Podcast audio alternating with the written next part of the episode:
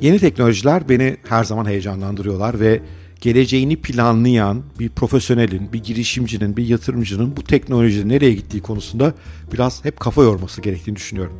Bugün sizlerle beraber bu çerçevede kripto paralara biraz kafa yoracağız. Kripto paraları nasıl bir gelecek bekliyor?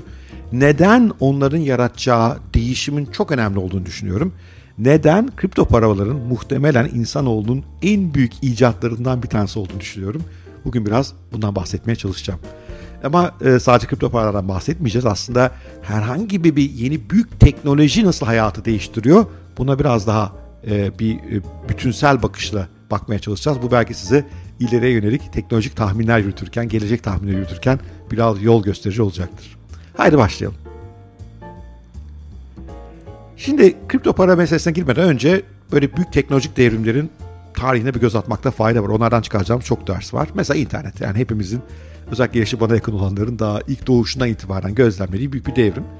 Bakın ilk internet ilk başlarda aslında çok basit işler yapıyordu. Yani bizim gibi bireysel kullanıcılara veya şirketler açıldığı dönemde ilk yaptığımız şeyler işte şirketimizin tanıtımını oraya yüklüyorduk. Temelde bir broşür gibi işte tıklıyorsunuz şirketin çeşitli bilgilerine ulaşılıyor. Gerçi hala çoğu şirketin web sayfası ona benzer.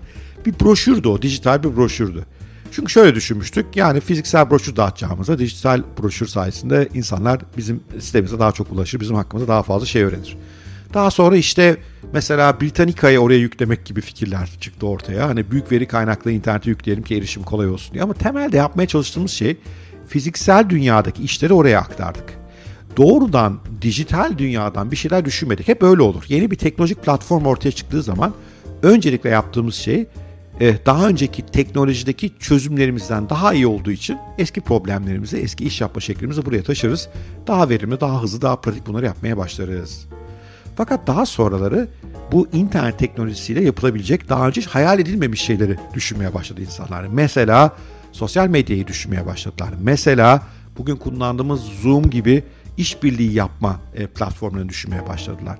Mesela blockchain gibi yepyeni güvenlik ve veri paylaşımı uygulamalarını düşünmeye başladılar.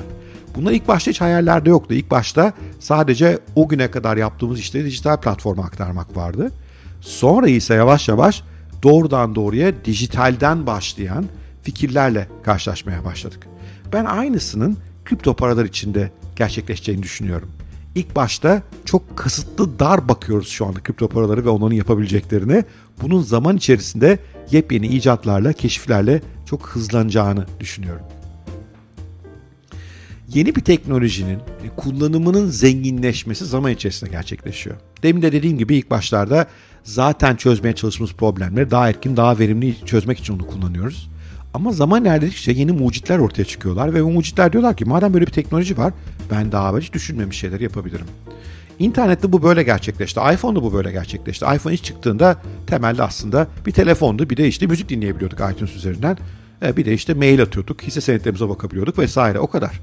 Daha sonra bir aplikasyon dükkanına dönüşünce o milyonlarca çok iyi fikri olan insanlar onun üzerine aplikasyonlar yaratmaya yazmaya başladılar ve böylece işte acıktığımız anda bir düğmeye basıp eve yemek gelmesinden fotoğraf paylaşım sitelerine, sosyal medyanın inanılmaz aplikasyonlarından e, ne bileyim internetten bankacı uygulamana kadar çok zengin bir dünyaya kavuştuk.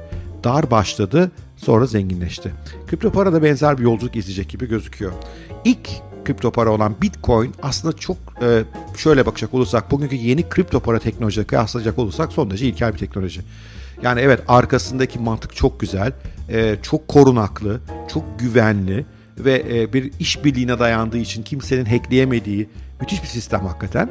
Ama bir yandan da aslında oldukça ilkel bir teknoloji. Yapabildiği şeyler çok basit. İşte alıp saklayabiliyorsunuz kenarda. Bir de birbirinize para transferi yapabiliyorsunuz. Bunun üzerine yeni bir şeylere pek imkan vermiyor. Üstelik bunları yaparken de kenarda saklarken epey riskleriniz var doğal olarak. İşte çalınır mı, hacklenir mi? Onunla ilgili bir sürü yeni çözüm var ama yani ilk baştaki dert buydu. Birbirimize gönderirken de böyle çok hızlı bir araç değil açıkçası. İşte Bitcoin gönderenler biliyorlar bayağı uzun sürer Bitcoin transferleri. Ama Bitcoin blockchain'in ve kripto, kripto paraların önünü açtı. Ondan sonra bir sürü yeni fikir gelmeye başladı bunlarla ilgili. İlk gelenlerden bir tanesi Ethereum'du. Ben Ethereum'un kurucusundan pek hoşlanmadığım için hiç güvenmediğim bir e, para olarak baktığımızda bir Bitcoin'e kıyasladığımızda parasal değer olarak baktığımızda güvenmediğim bir yapı bu ama teknolojik olarak çok önemli bir yapı çünkü programlanabilir bir para o. Bitcoin'e programlanabilme özellikle çok az. Ethereum'un bu programlanabilirliğinden dolayı onun üzerine yepyeni çözümler yazmaya başladı insanlar. Bunlardan işte bugünlerde popüler olanı DeFi, e, Decentralized Finance yani merkezi olmayan finans. Şu anlama geliyor Bitcoin'de merkeze ihtiyaç duymadan birbirimize para transferi yapma, bir merkeze ihtiyaç duymadan paramızı kenarda saklama gibi güçlere sahiptik. Burada ise DeFi'de, Decentralized Finance'de artık bankalara veya merkezi kurumlara olan ihtiyacımız tamamen ortadan kalkıyor. Mesela DeFi exchange'ler var. DeFi, şimdi şu anda Bitcoin alacaksınız. İşte Paribu gibi, BTC Türk gibi atıyorum platformlar üzerinden yine merkezi platformlar üzerinden bu işi yapmanız gerekiyor. Oraya bir komisyon ödüyorsunuz ve belli güvenlik risklerini göz alıyorsunuz. DeFi exchange'ler yani merkezi olmayan exchange'lerde böyle bir merkezi yapı olmayacak. Birbirimiz olan para transferini bu yeni teknoloji sayesinde hem masrafsız hem çok daha hızlı hem de çok daha güvenli bir şekilde çözüyor olacağız. Veya yine böyle DeFi finans uygulamaları var. Mesela benim 5 Bitcoin'im var ama o gün nakite ihtiyacım var. Bitcoin'imi bozmak istemiyorum.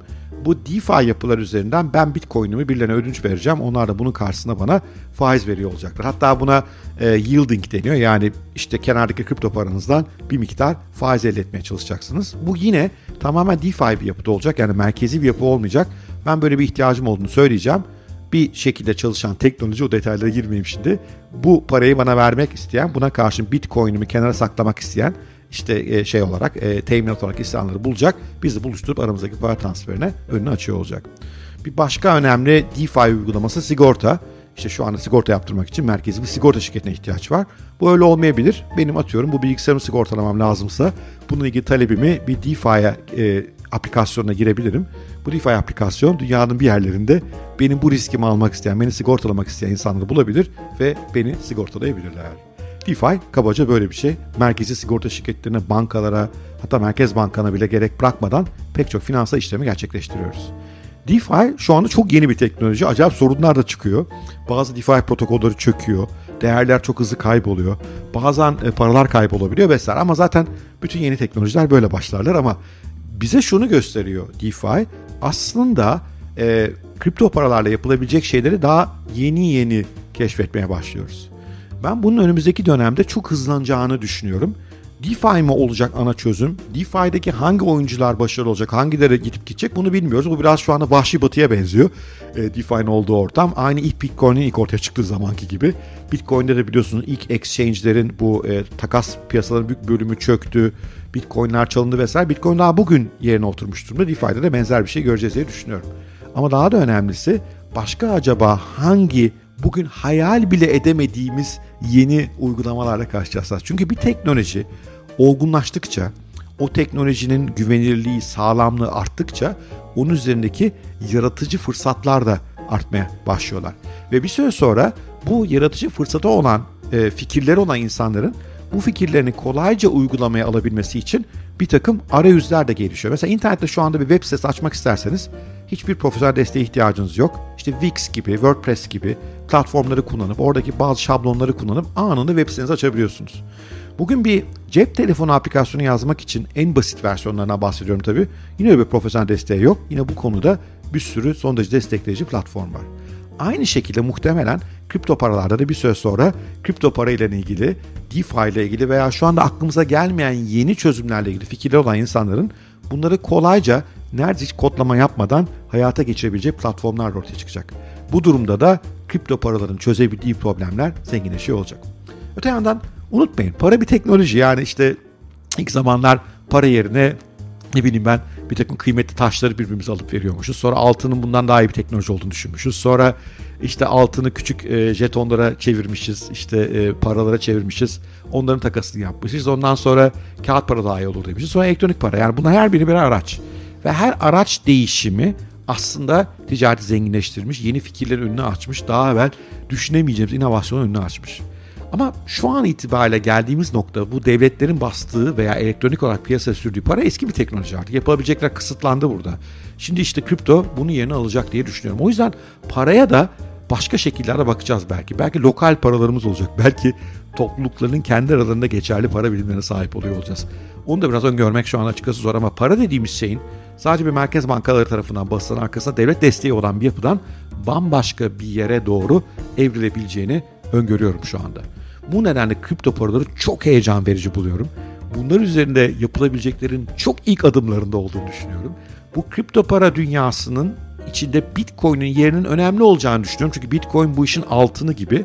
Ama Bitcoin'in yanına pek çok yeni acayip birimlerin ve daha önemlisi teknolojik çözümlerin geleceğini ve bu dünyanın çok zenginleşeceğini düşünüyorum.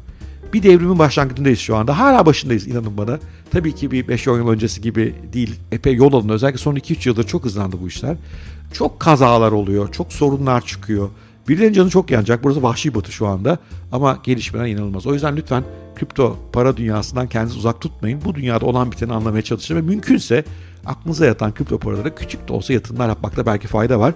Böyle bir büyük yukarı doğru potansiyel olan dünyanın dışında kalmamak akılcı olur diye düşünüyorum.